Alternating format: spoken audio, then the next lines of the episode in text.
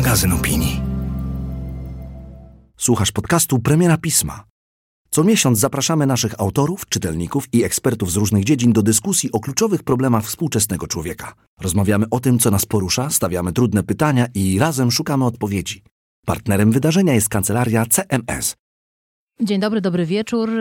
O jakiejkolwiek porze Państwo słuchają tego podcastu, witam Państwa bardzo serdecznie w kolejnej odsłonie podcastu z okazji premiery Pisma. Ja nazywam się Justyna Dżbik-Kluge, jestem dziennikarką zaprzyjaźnioną z magazynem Pismo i mam ogromną przyjemność prowadzić dla Państwa nagrania, spotkania, rozmowy związane właśnie z premierą każdego kolejnego numeru.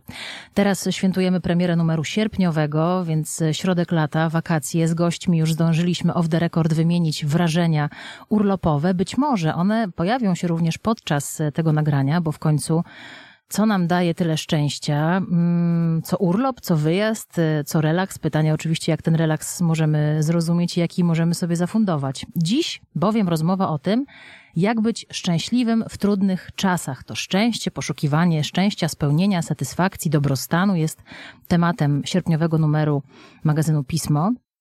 Ja dzisiaj witam w studiu, w studiu Osorno, dwie świetne postaci. Dużym świętem jest dla mnie to spotkanie, bo w takim gronie jeszcze nie miałam okazji rozmawiać, a myślę, że i pani, i pan przyniosą dzisiaj do tej opowieści, może się okazać, że zupełnie inne doświadczenia, może bardzo podobne. Karolina Lewestam, redaktorka pisma, filozofka, publicystka, pisarka. Na swoim literackim koncie masz małą księżniczkę, pasterzy smoków, no, pełną esejów o rodzicielstwie, książkę bardzo ważną dla wielu osób, również dla mnie. W sierpniowym numerze pisma piszesz o szczęściu w takim tekście Szczęście polepionych. Mogę pewnie o tobie mówić długo, ale powiem dzień dobry, dobrze cię widzieć. Cześć Justyna, dzień dobry. Jest z nami również Tomasz Stawiszyński, filozof, eseista, autor bestsellerowych książek, które jakoś tak mają, że nie chcą schodzić z tych list bestsellerów. Potyczki z Freudem, mity, pokusy i pułapki psychoterapii. Co robić przed końcem świata? Ucieczka od bezradności. Do tego zbiory wierszy, do tego najnowsza książka dla dzieci, Misja Sowy, zaraz kolejna premiera. Tomasz jest również autorem bardzo popularnych podcastów i audycji radiowych kręcących się wokół filozofii, filozofii życia. Tomku, dzień dobry. Dzień dobry, cześć. Bardzo dziękuję za zaproszenie, jest mi bardzo miło. No to jak z tymi urlopami? Indonezja i Grecja dają poczucie szczęścia, czy to różnie bywa? A, różnie bywa, zależy z kim się jedzie i na jak długo i czy akurat nie ma fali upałów.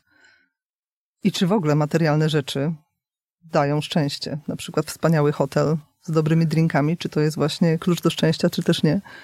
Dla ciebie Tomek jest Tomasz kluczem wie. do szczęścia leżak? Leżak jest kluczem ja, do szczęścia? Ja jako wielki wielbiciel poezji Konstantinosa Kawafisa od razu przy takim pytaniu mam w głowie wiersz Miasto, który opowiada o takim pragnieniu, żeby gdzieś indziej znaleźć szczęście, pojechać gdzieś daleko za morze i tam życie swoje odmienić. No ale puenta jest taka, że niestety nie da się tego zrobić, bo miasto za tobą mhm. pójdzie, będziesz chodzić po tych samych Ty ulicach będziesz miasto, żeby czas. tu... No, nie, oczywiście trochę, trochę żartuję, bo, bo z jednej strony jakoś tak y, rezonuje ze mną ten pogląd, że wszędzie jest generalnie plus minus tak samo. Z drugiej strony jednak mam takie doświadczenia, jeśli chodzi o y, kraje śródziemnomorskie, że tam rzeczywiście intensywniej odczuwam wszystkie przyjemne aspekty egzystencji, więc tak, tak, zdecydowanie. No jeżeli mogę nawiązać do Kawafisa, to oczywiście to będzie koślawy cytat i na pewno niedobrze e, zapamiętany, ale pamiętam takie z wiersza Itaka, fragment y, Lajstrygonów, cyklopów, złego Posejdona, nie lękaj się, nie, nie spotkasz ich w drodze, jeśli własna twa dusza nie wzniecie ich przed tobą. Coś takiego. Więc może to tak jest z tymi podróżami, że no jak tak- wieziemy tak... cyklopów i złego mm. Posejdona, to i tam będą. No tak, to jest nasze wyobrażenie o wczasach, że na pewno tam będzie lepiej. Zamkniemy tę rzeczywistość, otworzymy nową i potem jest rozczarowanie. No właśnie, to o tych rozczarowaniach e, od to nich... takie w duchu, przepraszam, Proszę. tylko jedno zdanie komentarza, że w duchu tego, o czym Karolina w swoim tekście pisze, w duchu takich indywidualistycznych ujęć szczęścia w sumie ten kawafis. No a jednak ten akcent polityczny, taki związany z rzeczywistością właśnie nie wewnątrz naszych głów czy dusz też jest istotny, ale to jeszcze pewnie będziemy o tym mówić. No jest takie powiedzenie, że wszędzie dobrze, gdzie nas nie ma i to też takie stare, że trawa zawsze zielona bardziej u sąsiada i na pewno w tej Grecji jest przyjemniej. No, pod warunkiem, że nie wieziemy całego bagaża, czy bagażu, a czy jest w ogóle możliwe nieprzywiezienie tego bagażu, no chyba niekoniecznie. Ale właśnie o, o tym rozczarowaniu chciałam z wami chwilę porozmawiać i cytując y, może panów z ekipy Monty Pythonów, coś zupełnie innej beczki, przynajmniej na pozór, bo no nie żyjemy w oderwaniu od rzeczywistości. Ten temat, który dla państwa dzisiaj mamy jest tematem uniwersalnym, ale no coś się wydarzyło przed tym spotkaniem, coś się będzie działo po nim i jesteśmy świeżo po takich dosyć mocnych, wydaje mi się, słowach naszej noblistki Olgi Tokarczuk. Trwa dyskusja na ten temat, a że wy jesteście ludźmi słowa piszącymi, mówiącymi, dbającymi o to słowo, to chciałam o to was na początek zapytać. Y, to jest takie trochę pytanie, co ma wspólnego Olga Tokarczuk z poczuciem szczęścia lub nieszczęścia. Ona kilka dni temu na swoim festiwalu Góry Literatury powiedziała takich kilka zdań. Literatura nie jest dla idiotów. Pisze swoje książki dla ludzi inteligentnych, którzy myślą, którzy czują, którzy mają jakąś wrażliwość. No jeszcze może, żeby czytać książki, trzeba mieć jakąś kompetencję, pewną wrażliwość, pewne rozeznanie w kulturze.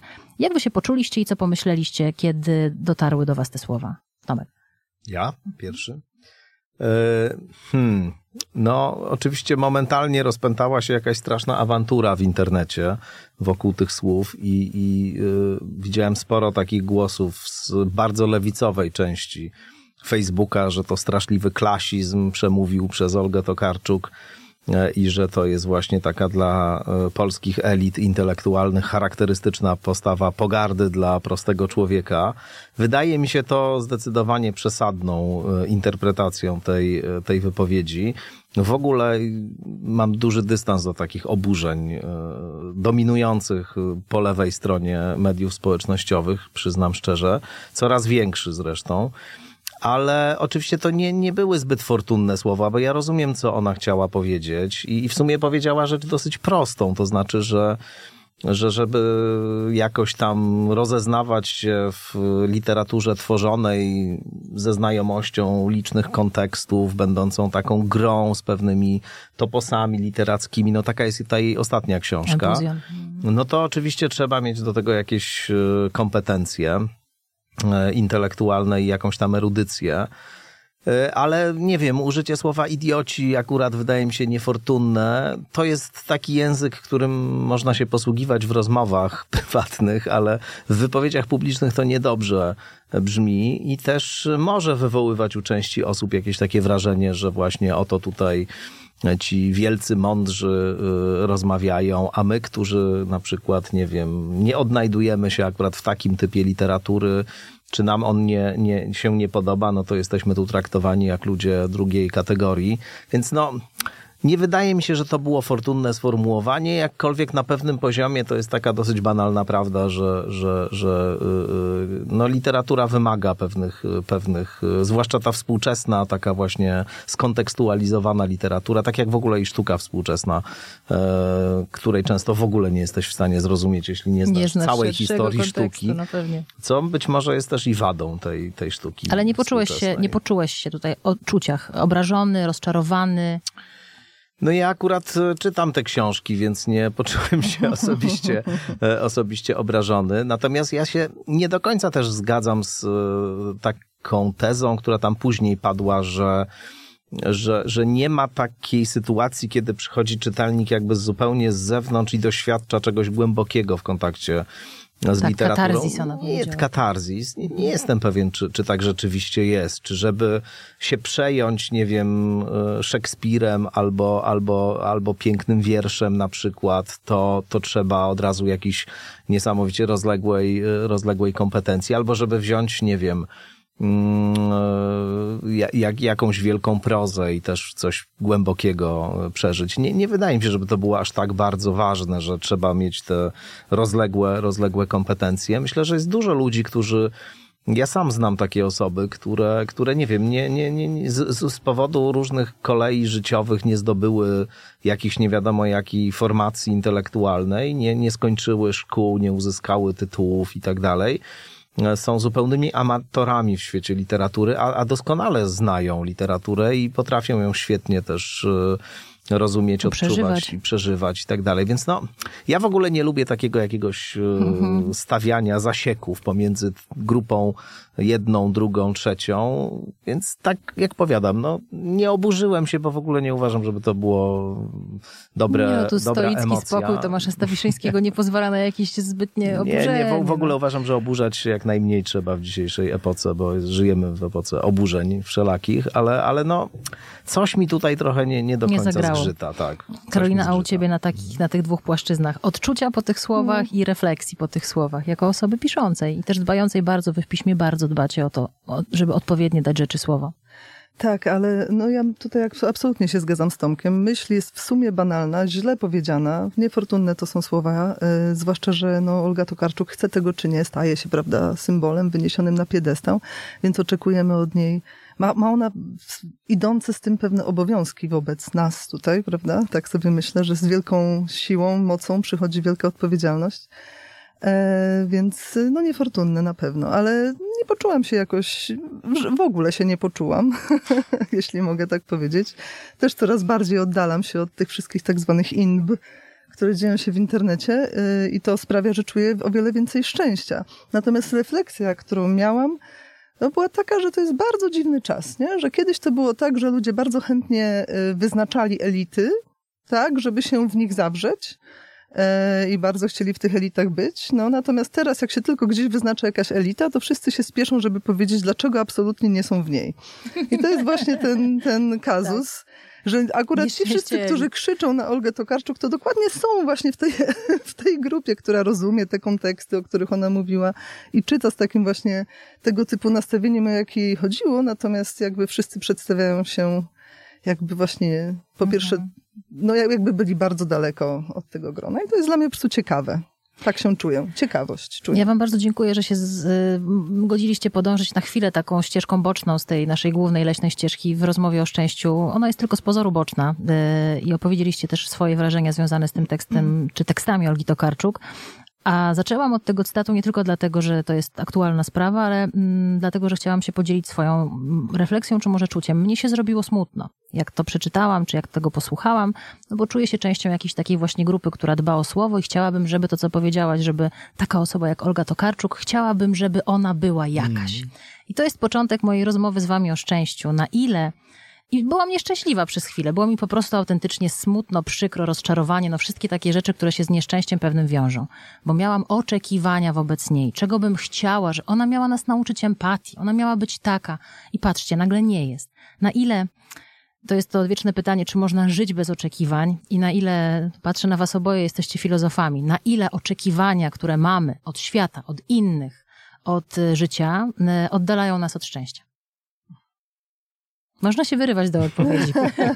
Ale trzeba podnosić Ja rękę. bym jed, jedną rzecz jeszcze dodał do tego, o czym wcześniej mówiliśmy, że, że, że rzeczywiście, jak tak powiedziałaś o tych oczekiwaniach, to, to ja miałbym jednak takie oczekiwanie w sumie e, w odniesieniu do Olgi, żeby ona jako e, noblistka i symbol dzisiaj e, no bardziej była taka włączająca, to znaczy, żeby właśnie raczej powiedziała, słuchajcie, literatura, literatura jest naprawdę świetną sprawą i jest wspaniałą rzeczą i czytajcie te książki po prostu, niezależnie od tego, gdzie jesteście, w jakim, w jakim miejscu, w jakim punkcie, co tam o sobie myślicie, y, jakie macie, nie wiem, wykształcenie, jakie, ile macie pieniędzy, etc. No po prostu jest to coś wartościowego i warto, i warto po to sięgać. To, to rzeczywiście może jakoś jest moje wewnętrzne, głębokie No tylko oczekiwanie. ale- właśnie, czy my może, właśnie i te oczekiwania, Ale- to wszystko się rozbija o te oczekiwania. Czy No tak, budując oczekiwania od innych, y, czy na innych, tak?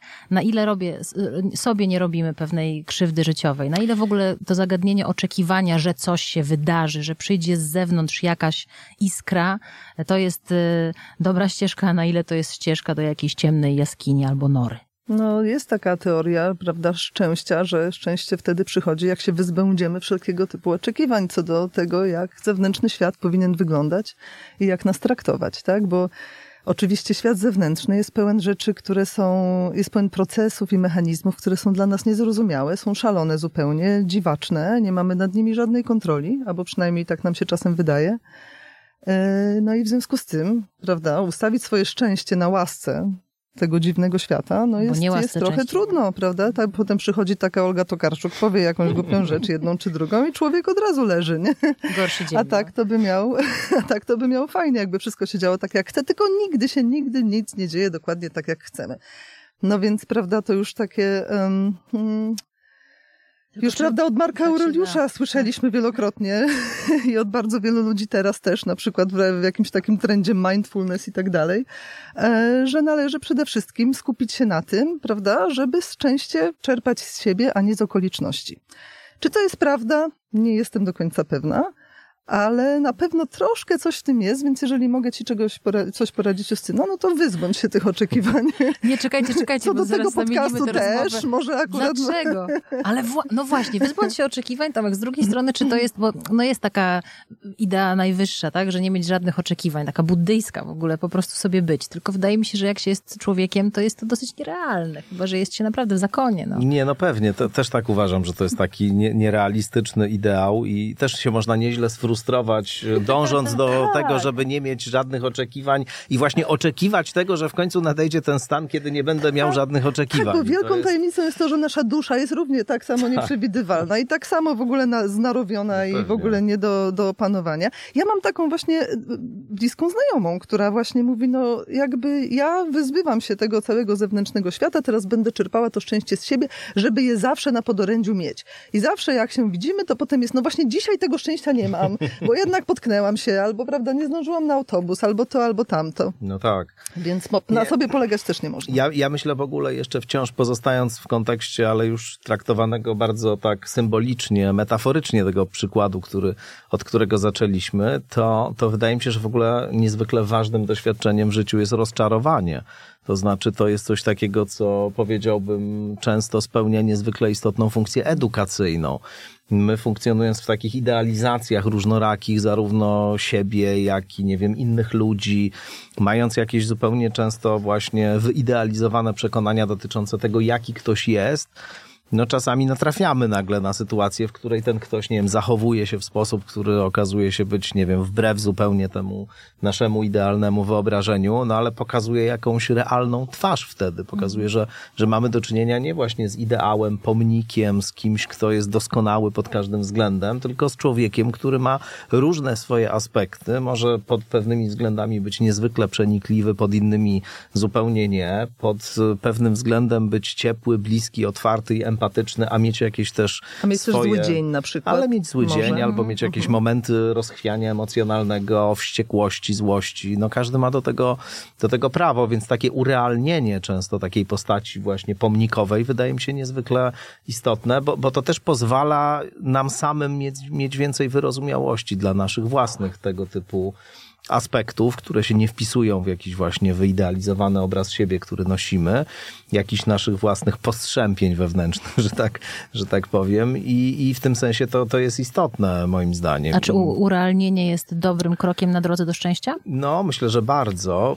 Znaczy, ja, ja bym w ogóle zanegował y, tą formułę drogi do szczęścia. Bardzo proszę. Bo tak cały czas chcę o tym powiedzieć, a ciągle jakoś mi to umyka, że wydaje mi się, że pewnym problemem w ogóle w dzisiejszym myśleniu o szczęściu, także u tych, e, w tych koncepcjach, które Karolina przywołuje w swoim tekście, e, jest właśnie stawianie tego szczęścia jako, jako pewnego celu samego w sobie. To znaczy, że my się przede wszystkim orientujemy na to, jak być szczęśliwymi, a cała reszta ma być jakby elementem towarzyszącym, który do tego projektu szczęście trzeba dostroić.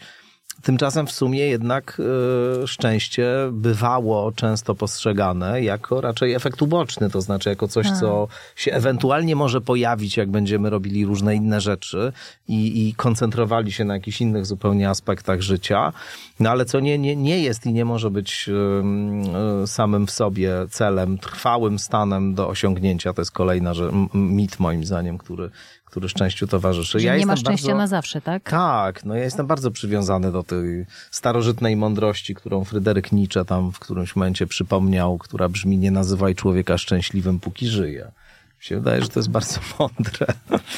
No, chociaż też znowu smutne, ale to ja Mhm. postaram się No odkładać nie, nie, bo moje... to jest tylko no tak, tym, no, ży- życiowo wiesz, tak. Nie, no. nie, no bo jakby albo masz chwilę szczęścia, prawda? I wtedy jakby możemy mówić o szczęściu jako o właśnie momentarycznym, chwilowym czymś, co się po prostu dzieje w danym momencie. Justyna na osi czasu w czasie T1 jest szczęśliwa, a T2 już nie, a możemy mówić o szczęśliwym życiu i to jest też zupełnie inna rozmowa. Nie? No piszesz w swoim eseju takie zdanie. Chroniczny brak szczęścia to nasza choroba cywilizacyjna. Co to znaczy? To do ciebie pytanie, a druga część tego pytania do doktora Stawiszyńskiego. Czy nasz doktor Stawiszyński też zdiagnozuje chorobę cywilizacyjną brak szczęścia? Tak, ja myślę, że my, y, y, to znaczy, no oczywiście to jest, prawda, publicystyczna teza, która jest może troszkę za szeroka, ale wydaje mi się, że coś jest na rzeczy i niekoniecznie dlatego, że jesteśmy może mniej szczęśliwi niż poprzednie pokolenia czy inne cywilizacje, chociaż może też, jakieś tam procesy na pewno na to wpływają, ale też jesteśmy akurat ustawieni e, w takiej potrzebie, dążeniu do i pracy w, kierunku szczęścia. E, W związku z czym ten brak szczęścia, te chwilowe cierpienia czasami, prawda, to jakby mozoł życia, mozoł życia codziennego, wydaje nam się nawet bardziej dojmujący niż by się wydawał, gdybyśmy nie byli tak strasznie, prawda, gdybyśmy się tego szczęścia tak strasznie nie wyrywali. W związku z czym tak, jesteśmy wszyscy nieszczęśliwi, bo bo czuję, jakby Ale powiedziałaś to to z nazwać, taką pogodą tak? w głosie. Jesteśmy wszyscy nieszczęśliwi. Od razu mi się zrobiło, e, tam w ogóle. No, to dosyć zabawne. Tak, Ale no więc wydaje mi się, się że wiesz, że ta choroba cywilizacyjna bierze się głównie z diagnozy, o, tak bym powiedziała. To znaczy, mówimy o sobie, myślimy o tym szczęściu, chcemy do niego dążyć, mamy jakiś wyidealizow- wyidealizowany obraz tegoż, tegoż, prawda? A potem jakby trochę tak nie jest, jakby się chciało i wtedy jesteśmy po prostu nieszczęśliwi. A tak byśmy normalnie sobie żyli.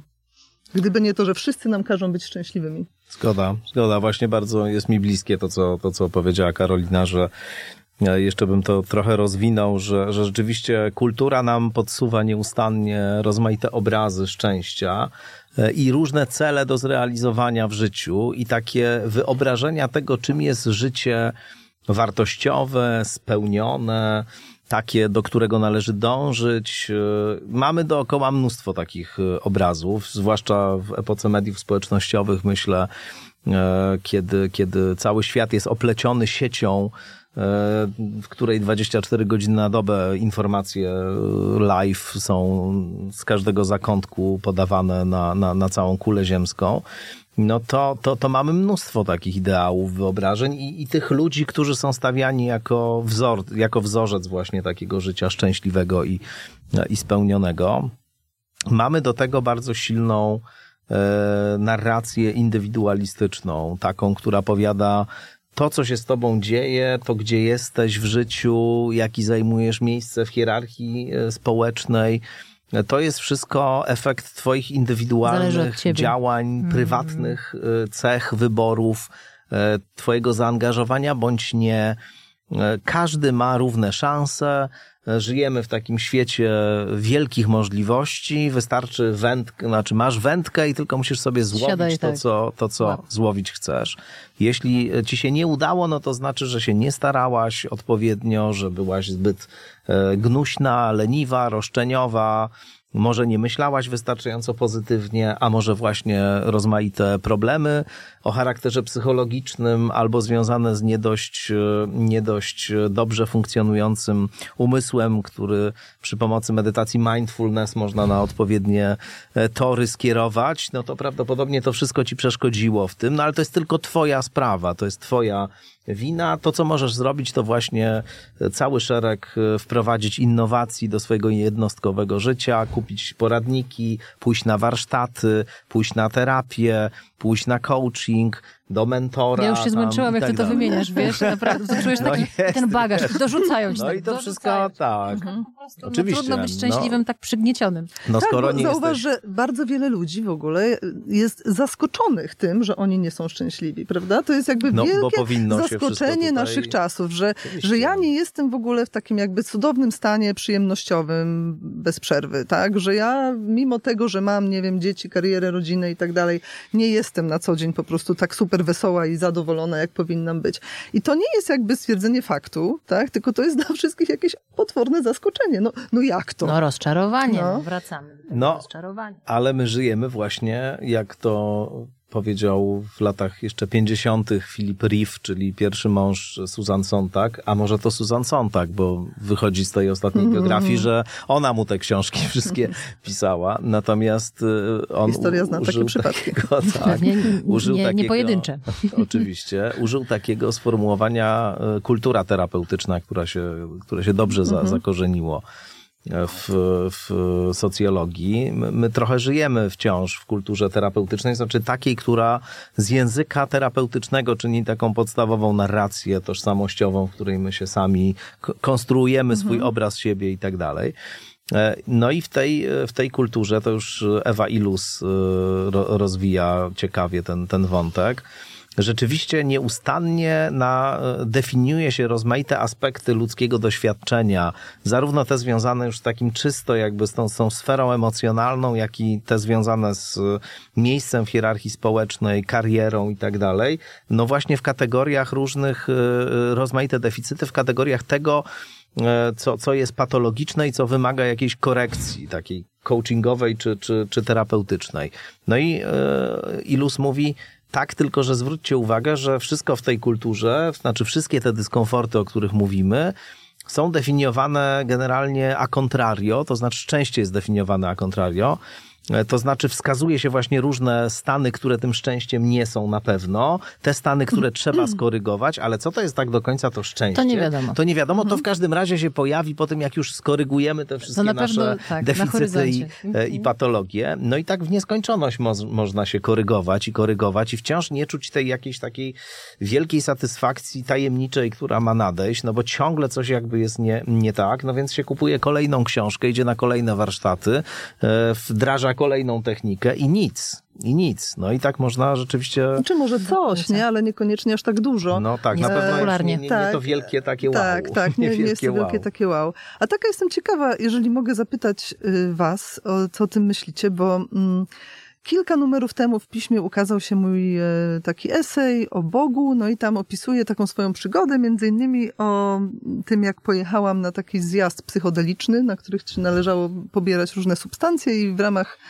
e, pobierania Ciekawa tych substancji osiągnąć wieczne szczęście, tak? Mhm. I to wieczne szczęście, które obiecywano nam tam, ono miało taką postać, że brało się z tego, że się wyzwalamy od własnego ego. Nie? No i wyzwalamy się od tego ego w ten sposób, że jakby zaczynamy rozumieć, że jesteśmy tylko cząsteczkami w świecie, nieważne czy ta cząsteczka, czy jakaś tam u ciebie jakąś przyjemność, prawda, odczuje. Wszystko jest jakby taką po prostu kosmosem, przez który duch tchnie, kiedy chce. No i tak sobie ten duch tchnie. No i y, chciałam powiedzieć, że bardzo mnie zadziwiło, bo w pewnym sensie stoi to trochę w sprzeczności z tym, co mówisz Tomku, z czym ja się w ogóle tak naprawdę absolutnie zgadzam, że te i coachingi, i to wszystko, i mindfulnessy do tego szczęścia niekoniecznie nas doprowadzą, a raczej na pewno nie. Ale ludzie, których tam spotkałam, którzy mieli bardzo duże doświadczenie właśnie z tymi substancjami, oni wyglądali na naprawdę szczęśliwych.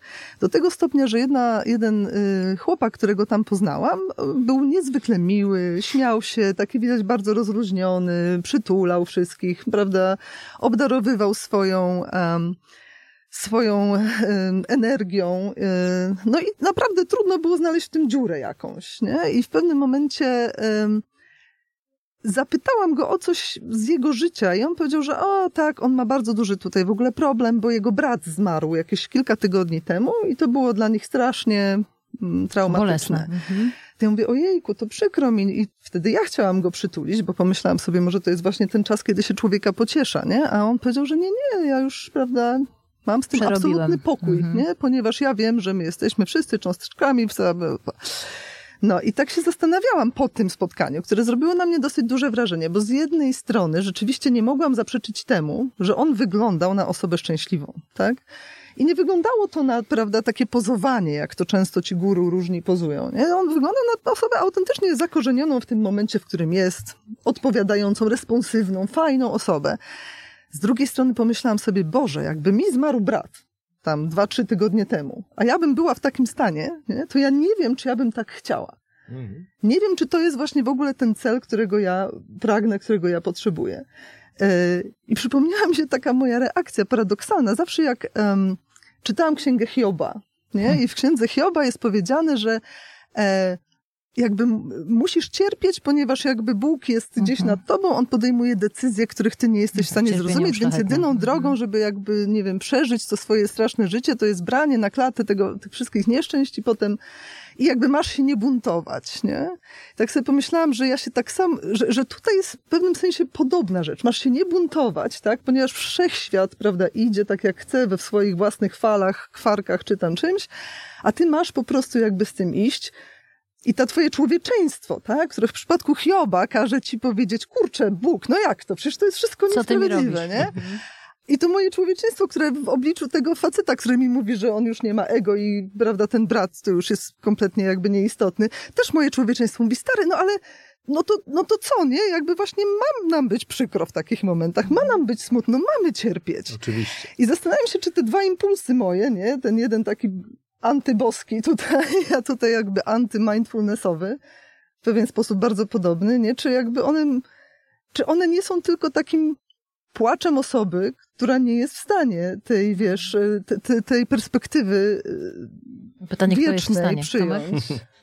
No ja bardzo się zgadzam z tym, co powiedziałaś. To znaczy, wydaje mi się, że rzeczywiście ideał ten y, obecny w tych różnych nurtach E, duchowych często, chociaż e, tak jak głębiej się za, za, za, zapuścimy gdzieś tam w teksty źródłowe tych tradycji wschodnich i tak dalej, to, to oczywiście to do końca tak nie wygląda, że się trzeba stać takim całkowicie już pozbawionym. Zen. Mhm. Tak, e, ale, ale te ideały, one są nieludzkie dla mnie. No, rzeczywiście, to znaczy mam wrażenie, no, ale że... jaka jest wartość w tym, że one, że, wiesz, czym, że coś jest ludzkie? Ja się, ja próbuję wiesz, uzasadnić to... własne stanowisko i nie mogę, ja, ja no bo sobie mam, myślę... Ja pewną wykładnię no, na to. No to tu, dawaj. Mam tu pewną, mam tu pewną wykładnię. E, skądinąd e, też o tym pisałem kiedyś w potyczkach z Freudem w mojej pierwszej książce. Jest taki rozdział, który nazywa się Oświecenie nie dziękuję. I tam jest mhm. dokładnie właśnie o tym, że, że te ideały wydają mi się e, wydają mi się okrutne i, i, i nieludzkie w sumie.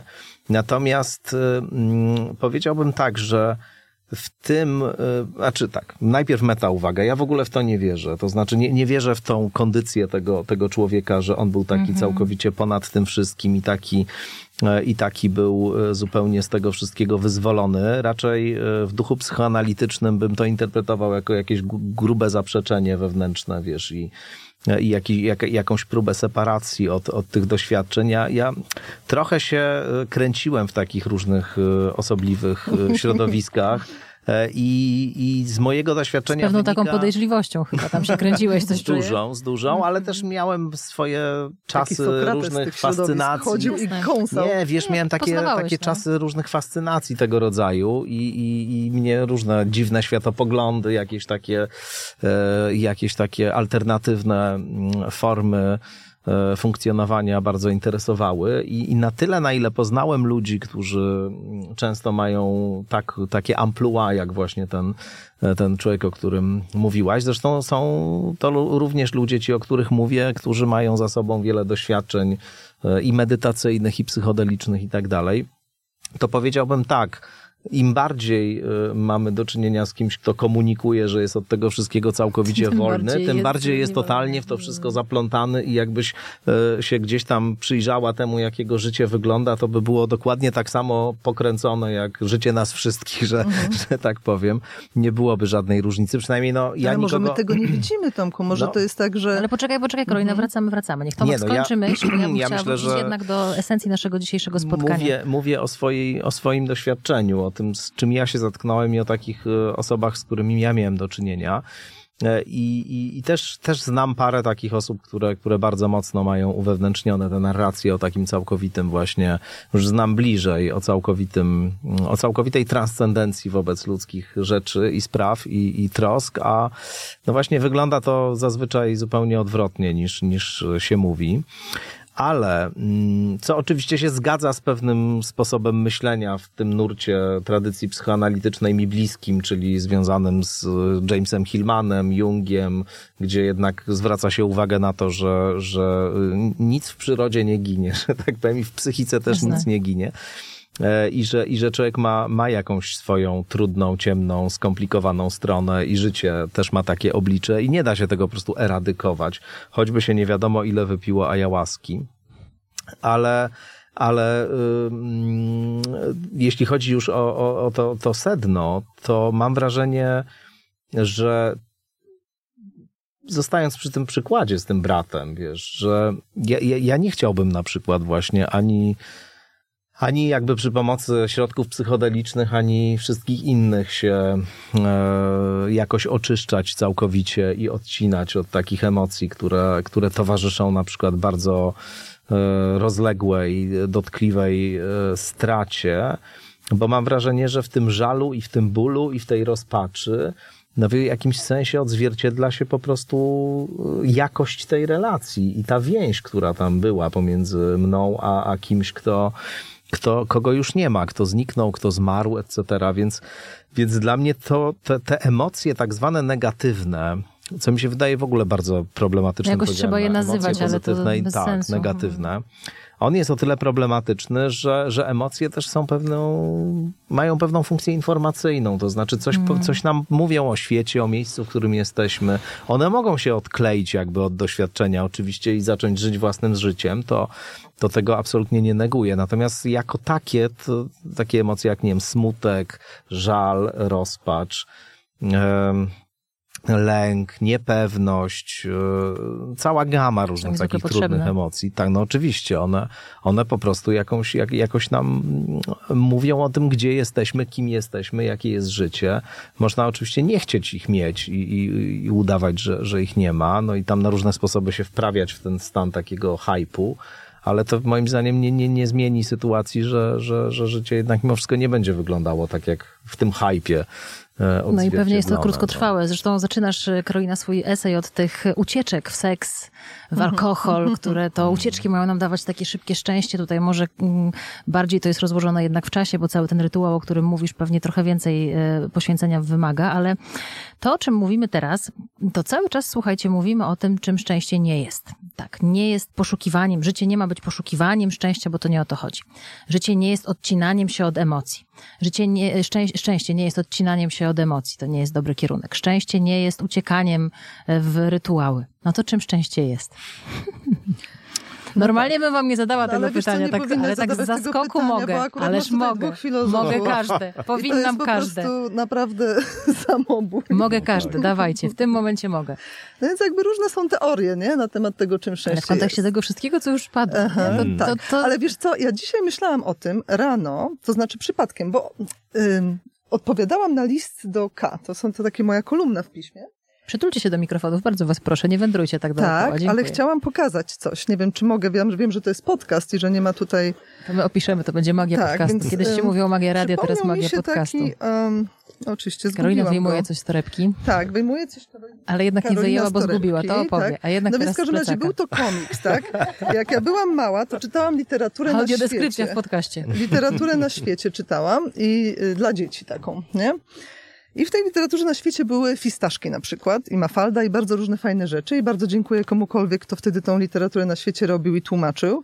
I pamiętałam taki komiks, który usiłowałam bardzo naprawdę znaleźć, żeby go jednak jakoś, bo tylko w mojej pamięci funkcjonował tam oczywiście te wszystkie moje lektury z dzieciństwa są tam w ogóle tak jakby żelazem wypalone, ale nie mogłam tego nigdzie znaleźć i znalazłam w końcu. I komiks polega na tym, że Snoopy siedzi sobie na budzie, jak to ma w zwyczaju, i budzi się w środku nocy i mówi, o kurde, nie? I mówi, że tam się jest druga w nocy, a ja nie mogę spać, no bo gdzie ja zmierzam, co ja robię, jaki jest sens życia, nie? No i wtedy idzie do Charlie'ego Browna i kopie w, w drzwi.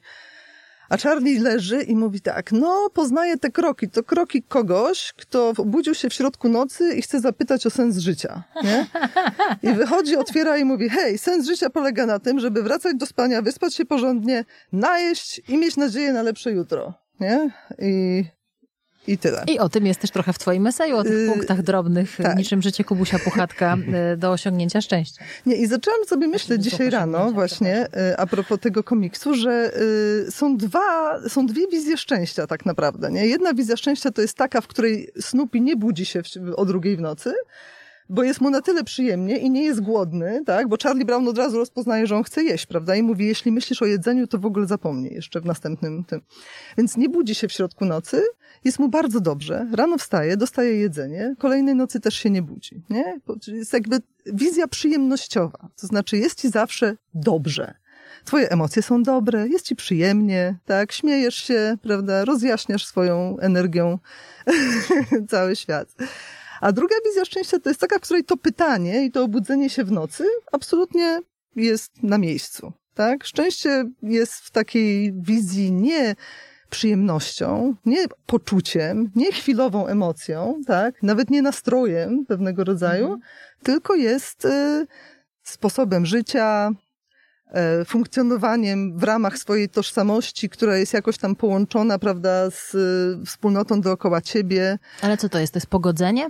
Szczęście to jest pogodzenie z różnymi rzeczami? Nie wiem. No nie, ja mam właśnie taką zawsze arystotelejską, proszę wybaczyć, y, wizję, tak? Że sobie myślę, że człowiek szczęśliwy to jest taki człowiek, który robi to, co uważa za dobre, zachowuje się, ma jakiś taki, ma pewną zbieżność y, myślenia o tym, jak powinno wyglądać jego życie i to jego życie rzeczywiście tak samo, podobnie wygląda. Jest umieszczony w ramach wspólnoty, która jakoś tam dzieli jego wartości. Wszystko tak się ładnie składa, tak? To znaczy, społeczność No wokół ciebie składa. Ma składa. pewną wizję tego, co jest dobre, ty ją jakoś dzielisz, jesteś w nią, że tak powiem, wdrożony, zhabituowany do niej, działasz w taki sposób, że to w tej akurat społeczności działa, prowadzi cię jakoś tam do przodu. No ale rodzisz się w jakiejś społeczności. Wybierasz tę społeczność, wybierasz to No swoje już życie, tak jest czy bierzesz właśnie to, co masz za stane, tak? Mhm. Przyszedłeś na świat w jakichś okolicznościach, mniej lub bardziej arystotelejskich Mhm. i bierzesz to na klatę, czy próbujesz kształtować? Nie no, dobra wspólnota cię wykształci, tak? Dobra wspólnota się tobą zajmie, dobra, Dobra wspólnota, wspólnota. pokaże ci. Człowiek Rety, cnotliwy, żyjący pojęcia. obok, twój sąsiad, pokaże ci, jak należy żyć, żeby, e, żeby twoje życie e, było satysfakcjonujące, tak? Tomek?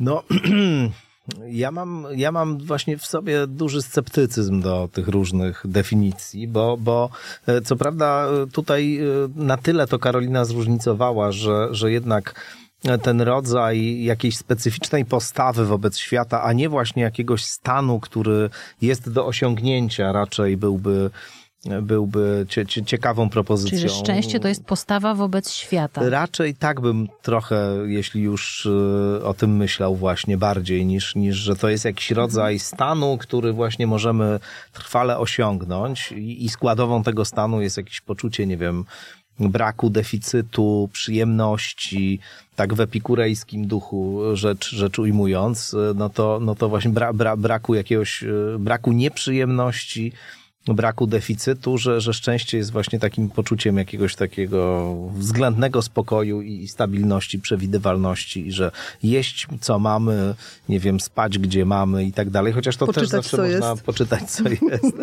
zawsze to można jakoś jeszcze stopniować, ale, ale wydaje mi się, że, że z tym jest taki problem, że Trochę trudno sobie i dlatego jednak wracam do tej greckiej mądrości o tym, żeby człowieka szczęśliwym nie nazywać póki żyje.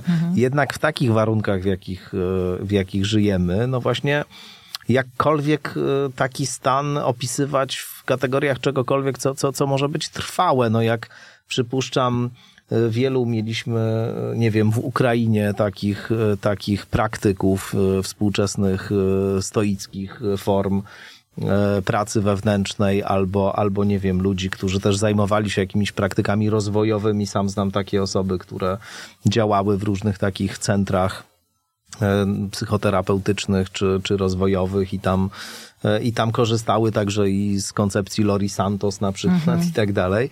No i później przyjeżdża, przyjeżdża e, e, wojsko i, i to się wszystko kończy, ludzie giną i właściwie trudno te koncepcje jakkolwiek poważnie w tym momencie traktować, no bo właśnie widać, że to zupełnie w ogóle nie ma nic z tym wszystkim wspólnego, że to jest jakiś taki e, że, że, że to są takie narzędzia dla ludzi właśnie, którzy e, e, żyją w takim kawałku cywilizacji wyrąbanym tutaj mm -hmm. maczetami w tym dziwnym, skomplikowanym, złym świecie. Tak. tak. Idiotycznie, znaczy, bo nie chciałam tego powiedzieć, Jezus Maria, no patrzcie przez Za tą późno, no, kiedyś Żulczyk o debilach, teraz Tokarczuk o idiotach, tak. to wiecie. Musimy sobie no okraszać no wypowiedzi takimi słowami. No. E, tak, no więc jakby to jest jakby głupio e, i, i utopijne to, o czym ja mówię. Tak. tak. Ja absolutnie nie mówię, że to ma jakąkolwiek rację bytu w, jako przepis na szczęście w naszej w naszej sytuacji. No, dlatego no myślę, zatrzymamy to... się przy tej naszej sytuacji, bo to jest mhm. taki temat, właśnie nasz temat. Y, zawsze mnie to bardzo y, w takim komfortowym położeniu stawia, bo pismo zadaje tematy naszych rozmów, a ja jestem tą osobą, która podąża tą drogą i ten temat realizuje. I ten temat na dzisiaj to jest jak być szczęśliwym w trudnych czasach. I teraz w kontekście tego, co powiedziałeś Tomek o definicji szczęścia, że to jest pewna postawa wobec świata, to jeśli założymy, że ten świat dookoła stał się jakiś gorszy, trudniejszy, no bo złożymy te wszystkie rzeczy, które się zadziały pandemię, wojnę, e, kryzys gospodarczy. No, niektórzy mają takie wrażenie, że się świat im zawalił, tak? I teraz jaką postawę przyjąć wobec takiego świata? Bo oczywiście teraz wjeżdża cała na biało grupa ludzi, którzy mówią, hej, hej, trudne czasy zawsze były jakoś na jakiś sposób, tak? I to, to też możemy o tym porozmawiać. Ale jaką postawę przyjąć aby jednak próbować może nie dążyć nawet do szczęścia, tylko łapać te chwile ulotne jak ulotka, jak śpiewała paktofonika. Ja, ja mówiąc szczerze, nie wiem skąd to założenie, że właśnie powinniśmy być szczęśliwi w takich czasach. Wydaje mi się, że, że to jest takie założenie, które jest bardzo arbitralne. Nie jestem wcale pewien, czy, czy to jest coś takiego, co, co jest takie oczywiste zupełnie może właśnie, tak bym poeksperymentował myślowo, jakiś rodzaj y, dyskomfortu, który odczuwamy, niepewności. Żałoby po stracie y, czegoś? Trochę tak? Żałoby tak? też po stracie oczywiście tego, tego właśnie wyobrażenia, y, które mieliśmy może o świecie na podobieństwo może tego, które niektórzy mieli o, nie wiem, Oldze Tokarczuk i tak dalej. Nie damy jej dziś spokoju. Jest, to jest bardzo ciekawe, co mówisz. To jest e, jak najbardziej adekwatne. No, to jest po prostu coś, co e, wiąże się z tym, że dostrzegamy takie aspekty świata, które sprawiają, że, że y, trudno o, o poczucie spokoju i komfortu. Y, jakbym miał to jeszcze w taki sposób pragmatyczny trochę do, mm, dodefiniować, to bym powiedział, że no, że może to właśnie w tym sensie jest dobrze, w cudzysłowie, że, że y, koncentrując się na tym, żeby za wszelką cenę osiągnąć stan szczęścia, rozumiany jako w każdym razie jakaś przyjemność albo jakiś stan spokoju wewnętrznego, harmonii wewnętrznej w tak nieharmonijnym świecie, e, no, odcinamy sobie trochę drogę do tego, żeby właśnie ten świat jakoś modyfikować, to znaczy, żeby móc w nim realnie działać zgodnie z tym, jak on realnie wygląda. Mm, zamiast... No trochę jak z tym bratem, tak? Który nie no tak, odczuł tak, tak, tak, po, tak, po swoim, tak, tam, tak, znaczy tym no, człowiekiem, który po mhm. bracie, tak? Odciął jasne, się w ayahuaskę. Tak? Jasne. Nie, no ja, ja w ogóle... No mi jest rzeczywiście trochę, trochę obce, ale też w takim teoretycznym sensie, nie tylko, tylko psychologicznym, moim osobistym, tylko takim związanym ze sposobem, w jaki, w jaki bym o tym myślał takie nastawienie na to, że musimy, że, że, jakby negatywne tak zwane emocje albo doświadczenia, albo odczucia wewnętrzne, czy stany dyskomfortu, że one są tylko pewnym etapem do tego, żeby zapanowały te Zaraz będzie uczucia lepiej. komfortu mhm. i harmonii i spokoju, bo to są te, że się tak wyrażę, defaultowe nasze stany, takie, które właśnie tak. są tymi naturalnymi, pożądanymi, pożądanymi mhm. i tak dalej. No, wydaje mi się, że to, to nie jest dobry sposób myślenia i że, i że trochę sobie odbieramy e, w ten sposób to A to o tym piszesz w regułach na czas chaosu, bo to jest książka, która się ukaże w październiku. Reguły na czas chaosu. To też jest takie hasło. Reguły na czas chaosu, czyli też zawierasz w nim to potwierdzenie, że coś jest dookoła, szaleństwo się dzieje. Tak. Czyli co, nie droga do szczęścia, tylko pewne reguły, czyli co, łapiemy ten pion, tak? E, no tak, to jest taka trochę, trochę gra z tą konwencją takiej książki z, z regułami. Rzeczywiście jest 11 reguł okay. takich, które E, które, które w zasadzie w większości mają jednak postać apofatyczną, czyli raczej y, sugestia jest dotycząca tego, czego nie robić, a nie co robić. E, ale, ale mm, jeśli chodzi o te pozytywne wskazania, choć paradoksalne, jest tam na przykład reguła żyj w niezgodzie ze sobą. Właśnie nie żyj w stanie harmonii, nie dąż do spokoju wewnętrznego, tylko żyj w niezgodzie ze sobą i nie szukaj pewności. Na przykład też jest taka. Taki taka anty-Peterson.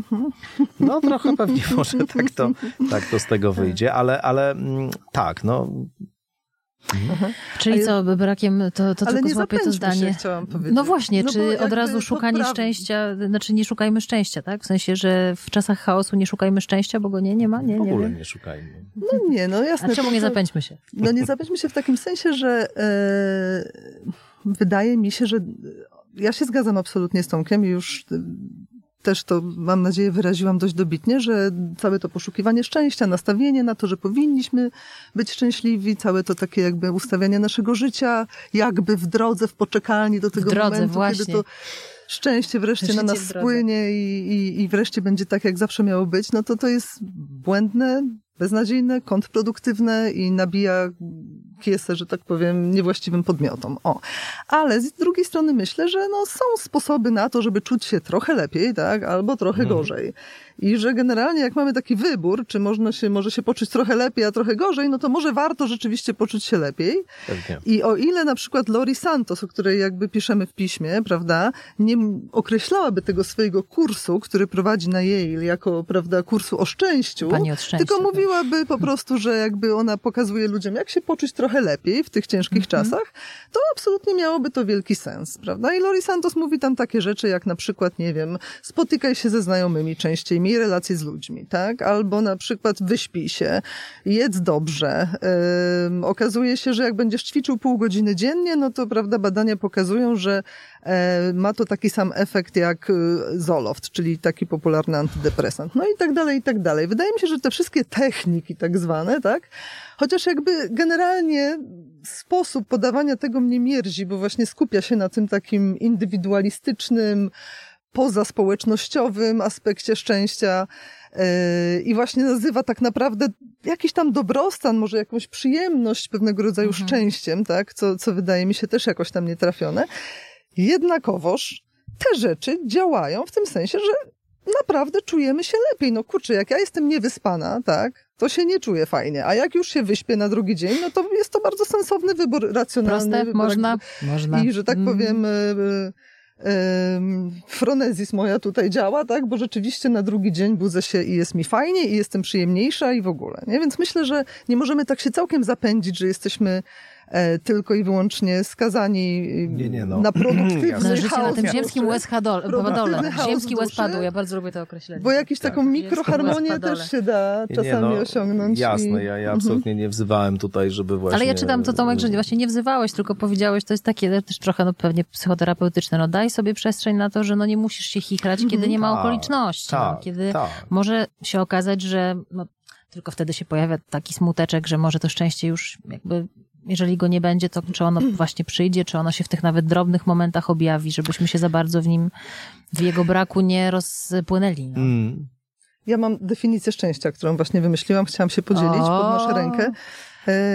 Wiecie co, bo za- zaczęłam się zastanawiać oczywiście pisząc ten tekst, czy ja jestem szczęśliwa. E, No i wyszło mi na to, że nawet dosyć tak jednak chyba, mimo wszystko. Nie, to znaczy jest, mam dużo stresu w życiu i jest Mogło mi nieprzyjemnie. Nie ma dramatu, ale szału też nie ma. Tak, szału nie ma, ale jakbym już musiała To jest moja zaznaczyć, definicja. wiesz, Szału nie ma, ale dramatu też nie. Jasne, to w tej rozmowie mnie utwierdzacie mnie w tym Bardzo przekonaniu. Tak, ale jakbym miała zaznaczyć, wiesz, w, w, w kwestionariuszu tak czy nie, no to bym raczej zaznaczyła tak, nie? I tak za, zaczęłam sobie myśleć, czy zawsze byłam szczęśliwa. Nie, to jest bardzo jakby takie niedawne e, poczucie. I no oczywiście zaczęłam się wtedy zastanawiać, co sprawiło, tak? Jakby jaka jest różnica między tym, jak jest teraz, a tym, jak było kiedyś, kiedy byłam ewidentnie nieszczęśliwa i jakby, no, czułam, że zdanie jestem nieszczęśliwa opisuje mnie naprawdę dobrze, nie? I myślę sobie, że tym, co się stało, tą różnicą jest to, że przestałam, przekroczyłam jakąś taką, nie wiem, czy smugę cienia, czy jakieś inne granice, e, nagle nie żyję życiami, których nie mam już. Mhm. To znaczy, zawsze było tak, że e, albo było bardzo wiele żyć przede mną i zastanawiałam Mhm. się, które z nich wybrać, i każdy wybór wiązał się z negacją całej gamy cudownych żyć, których już mieć nigdy nie będę, nie? Ale I tak- obawiam się, że to jest wniosek wynikający z wieku i z doświadczenia. Być może, Pytanie, niestety. czy nie odcinamy dwudziestolatków od y, szczęścia. No to by się wiązało z tym, co mówił Tomek, dopiero pod koniec życia i na koniec życia, jak już człowiek leży w grobie, to Nie, można powiedzieć, czy był Czekaj, szczęśliwy. mieliśmy się nie zapędzać. Tego był taki wniosek, no. Tomek, odnieś się proszę do tego. Y, No, y, mi od pewnego już czasu chodzi takie pojęcie po głowie, które teraz już będzie naprawdę bardzo a propos, czyli amor fati. Też skądinąd tutaj Nietzsche odświeżał to, to, y, to określenie. Mm, I to jest taki rodzaj y, poczucia właśnie, że ja żyję swoim życiem i że ja to życie biorę y, w całości. Nie, nie, że wymyślam sobie 40 różnych innych możliwych życiorysów i, i żyję w takim poczuciu, że... No, że kiedyś się ciągu- wszystkie wydarzą. ciągle. Albo w każdym razie, że, że, że ten mój jest zupełnie nie słabo wypada przy tych właśnie, które mogłyby być. E, Jest e, piękna figura na początku powieści Roberta Muzila, Człowiek bez właściwości, em, która, która się nazywa Poczucie ewentualności. Tam główny bohater, właśnie Robert e, Ulrich, główny bohater tej powieści Muzila, mm, jest człowiekiem, który ma poczucie ewentualności, to znaczy rzeczy możliwe wydają mu się równie rzeczywiste jak te, które y, są faktyczne, które istnieją. Drugi Czyli to, co- no, to, co, to, co, to, co y, mogłoby się wydarzyć, już dla niego w zasadzie jest tak samo rzeczywiste jak to, co się wydarzyło.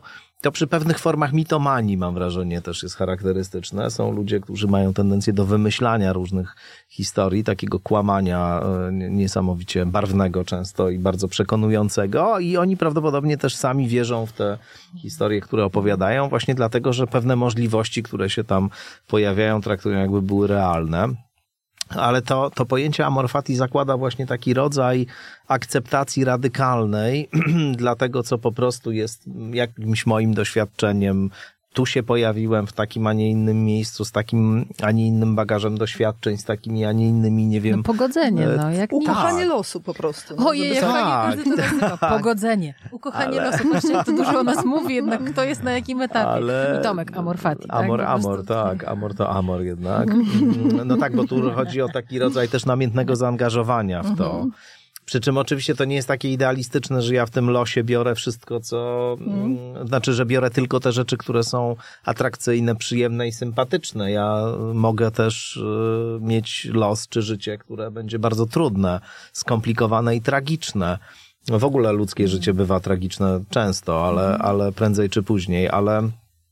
Ale tutaj no, no, o tyle jest to prawdziwa miłość, jeśli można tak powiedzieć, do, do losu, o ile ona jest w stanie objąć także te aspekty, które nie mieszczą się w różnych wyobrażeniach, nie wiem, pozytywności, właśnie satysfakcji i tak dalej, i tak dalej. Nie kocham to życie, które mam, bo innego nie mam. No tak, Tak, tak, tak. tak. Ale, ale to, jest, wiesz, właśnie- to, to jest rodzaj takiego metafizycznego jednak, wiesz, też, Pewnie. też, też takiej decyzji, gest, Decyzji, gestu, tak. gestu i tak dalej. Ale no. widzisz, to ja na przykład mam mały gest jako człowiek chyba, bo y, tak naprawdę dopiero ten gest wykonałam i znowu pozwolę sobie na osobistą anegdotę, bo tak sobie cały czas myślałam o tym, nie? kiedy to się stało, że ja mogłam się poczuć szczęśliwa. I jednak, kurczę, nie zależało to całkiem ode mnie, tak? Było to częściowo rzeczą okoliczności, w tym sensie, że wiesz, Justyna, opowiadałam ci kiedyś, że ja zawsze chciałam być pisarką, nie? I ja tą pisarką tak strasznie chciałam być. I ja wiedziałam, miałam te książki w szufladzie i nikt ich nie chciał czytać, i nikt ich nie chciał wydawać i to było takie przykre.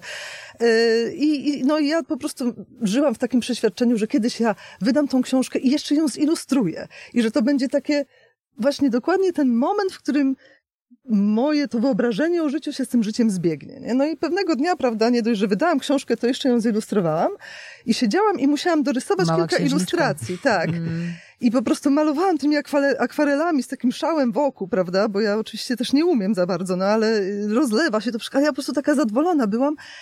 I pamiętam, że dzwoniłam do mojej redaktorki artystycznej tej książki i mówiłam, słuchaj, a jak będzie tak, to może tak zrobimy. A ona mówiła, nie, musimy zrobić na niebiesko. Mówiłam, dobra, wracałam do tego. I tak sobie poczułam, Jezus Maria, Matko Święta, co się właśnie stało? Że to moje upragnione sposób funkcjonowania się. właśnie się zszedł z tym moim życiem. I to było tak nieprawdopodobne, słuchajcie, że ta euforia naprawdę już trochę czasu minęło, no nie wiem, półtora roku czy coś, cały czas trwa. I wreszcie... Super. Co? I teoria o drodze do szczęścia. No właśnie. To miało nie być drogi. się, jest. obawiam się, że Hej, przekreślamy coś- godzinę nagrania. Tak, coś jednak jest w tych okolicznościach, że pomaga. Nie, nie, no oczywiście. Tomek, teraz też musisz osobiście, kluczowe. wiesz, wychodzisz teraz z tego kubraczka tutaj, e, analityka, badacza, Tak, obserwatora, tak. filozofa, tylko ciekawa jestem, znaczy nie musisz Mm. o to odpowiadać, ale byłabym ciekawa, czy Właśnie miałeś ty takie osobiste szczęśliwy. poczucie szczęścia.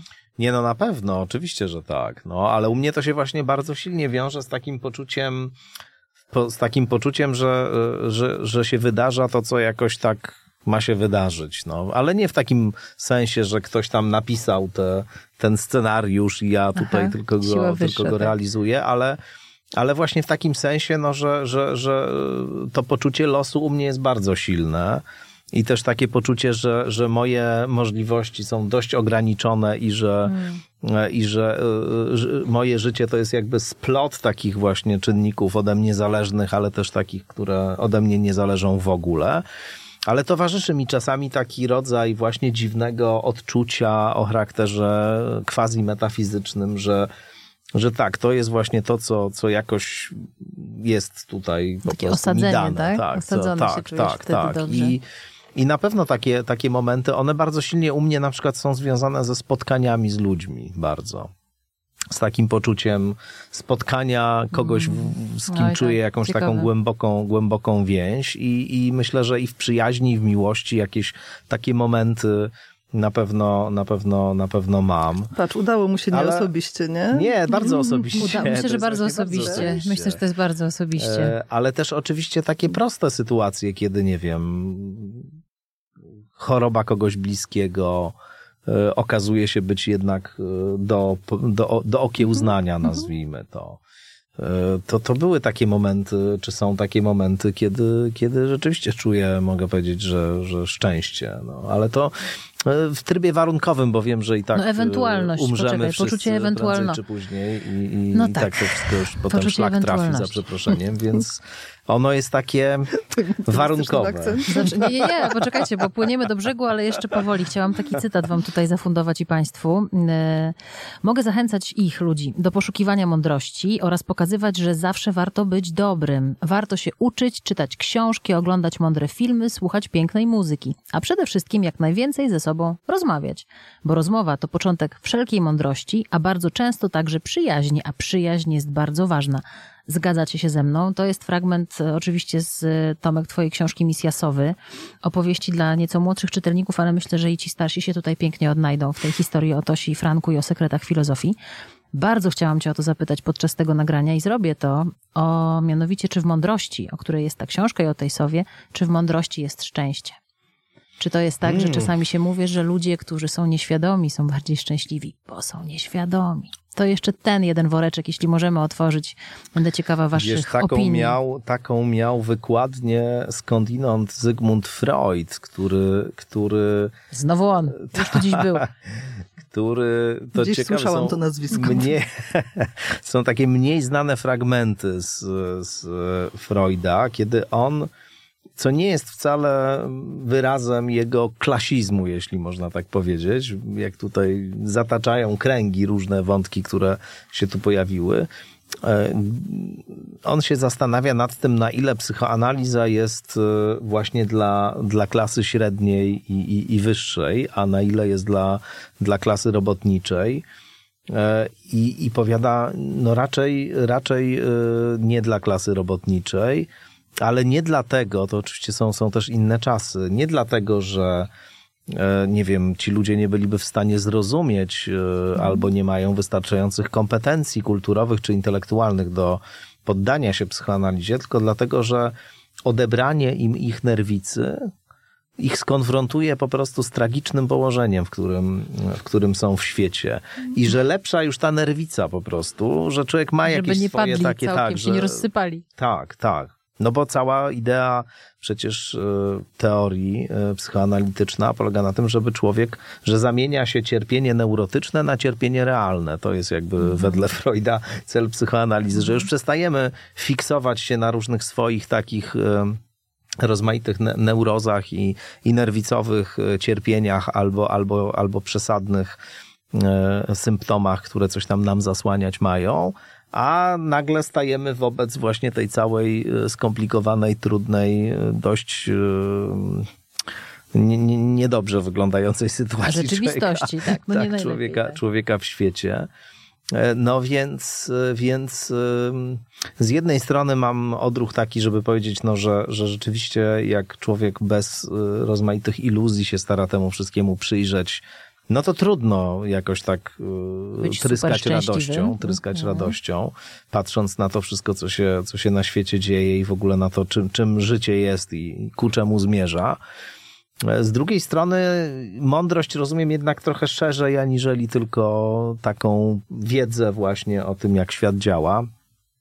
No jest y, być może coś takiego w tej, w tej mądrości, co by mogło skłonić nas na przykład do tego, żeby jednak coś dobrego i sympatycznego i przyjemnego y, i szczęśliwego z tego życia trochę wziąć. No i tak jak Karolina mówiła o tym wyspaniu się i, i zjedzeniu czegoś dobrego, czasem spotkaniu się z przyjaciółmi, ale nie na tej zasadzie, którą słusznie punktujesz y, jako, jako formułę, że y, nie bij, bo się spocisz kogoś. Nie spotykam się z przyjaciółmi po to, żeby sobie dobrze y, zrobić w tym sensie, tylko żeby jakoś z kimś Nie innym karmimy zupełnie ego, się, tak? Tak, się, się, się spotkać.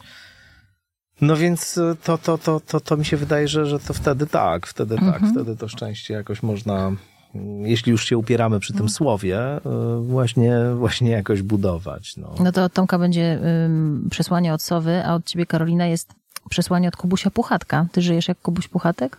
Jest w swoim eseju Kubuś Puchatek. Jest, jest, ale to dlatego, że Lori Santos właśnie stwierdziła, jak ją zapytałam, prawda, jaki jest, jaki według niej bohater e, postać w ogóle żyje dobrym życiem, jest szczęśliwa, to tak jakby trudno jej było wymienić taką osobę i w końcu przyszedł jej do głowy Kubuś Puchatek.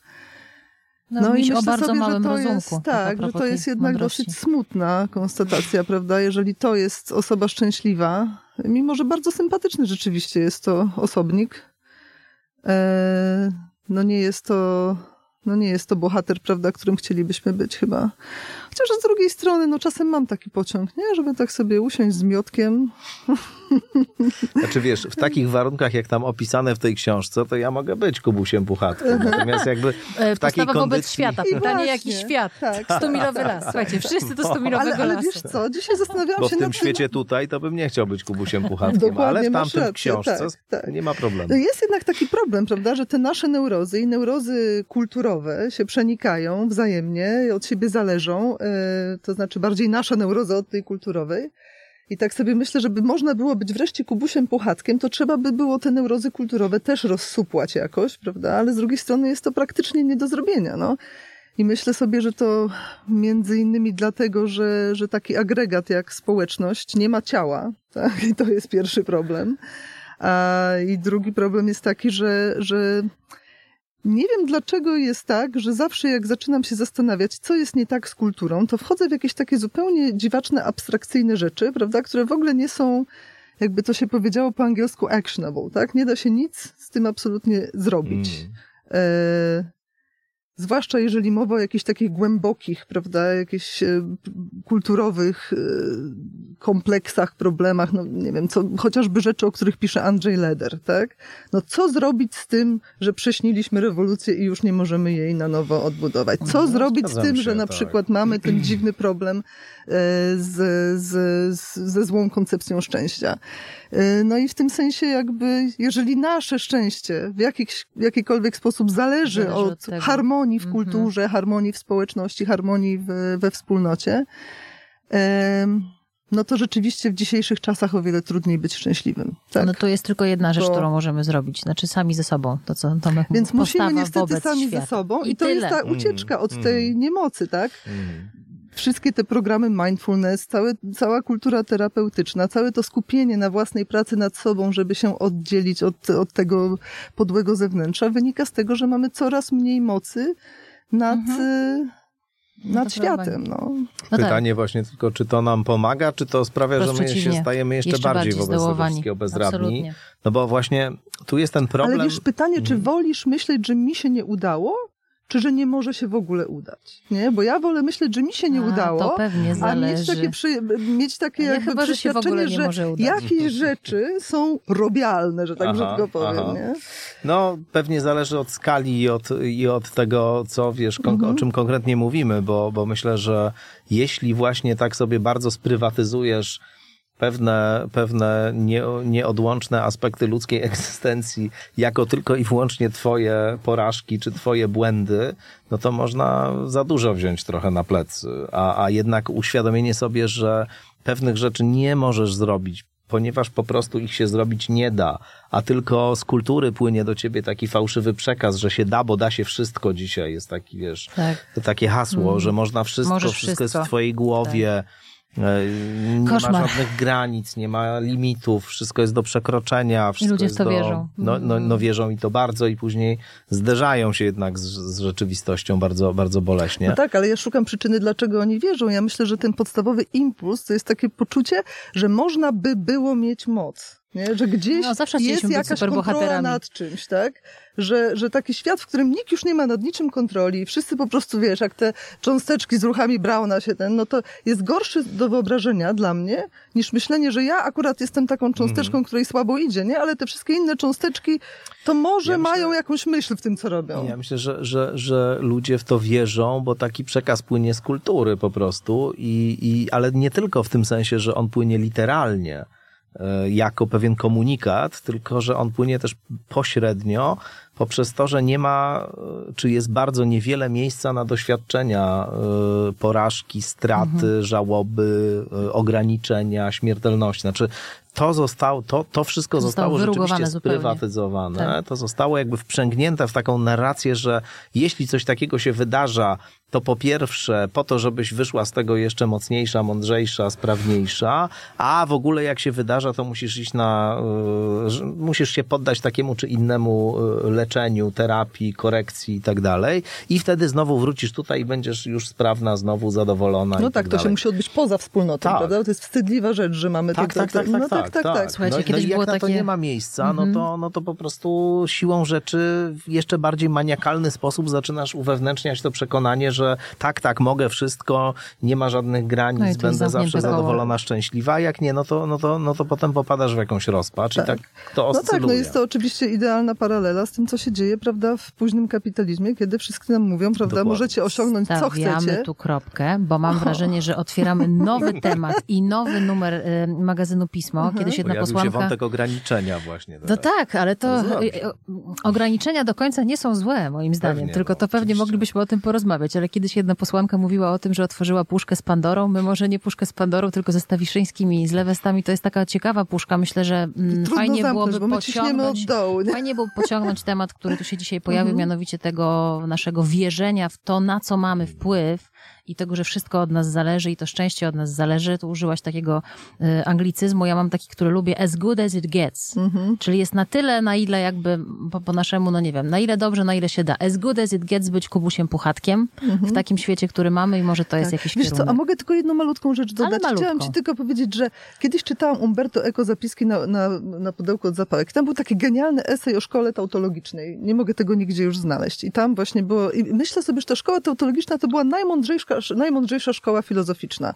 Na przykład ich mottem było que sera, nie? No. Albo jeszcze nigdy nie było, żeby jakoś nie było. I myślę, że to jest w pewnym sensie bardzo mądre. Jest jak jest. Tomek, jedno zdanie od ciebie. Tutaj as good as it gets, que sera sera, to teraz E. musisz jakąś łacińską sentencję po prostu Nie, może nie. powiedzieć. Ech, życie, życie, o. Myślałam, że już jest nowelą. Słuchajcie, to drodzy wyszło. Państwo, do poczytania, do usłyszenia. Mam nadzieję, że jeszcze w tym zestawie się uda. Myślę, że to jest bardzo dobry kierunek na, na taką konstrukcję wielką. rozmowy. Tomasz Stawiszyński, Karolina Lewestam. Justyna Dżbik-Kluge. Dużo szczęścia Państwu życzymy w codzienności, nawet w takich wa- warunkach światowych, w których jesteśmy. Może się uda. Dzięki. Partnerem wydarzenia jest kancelaria CMS.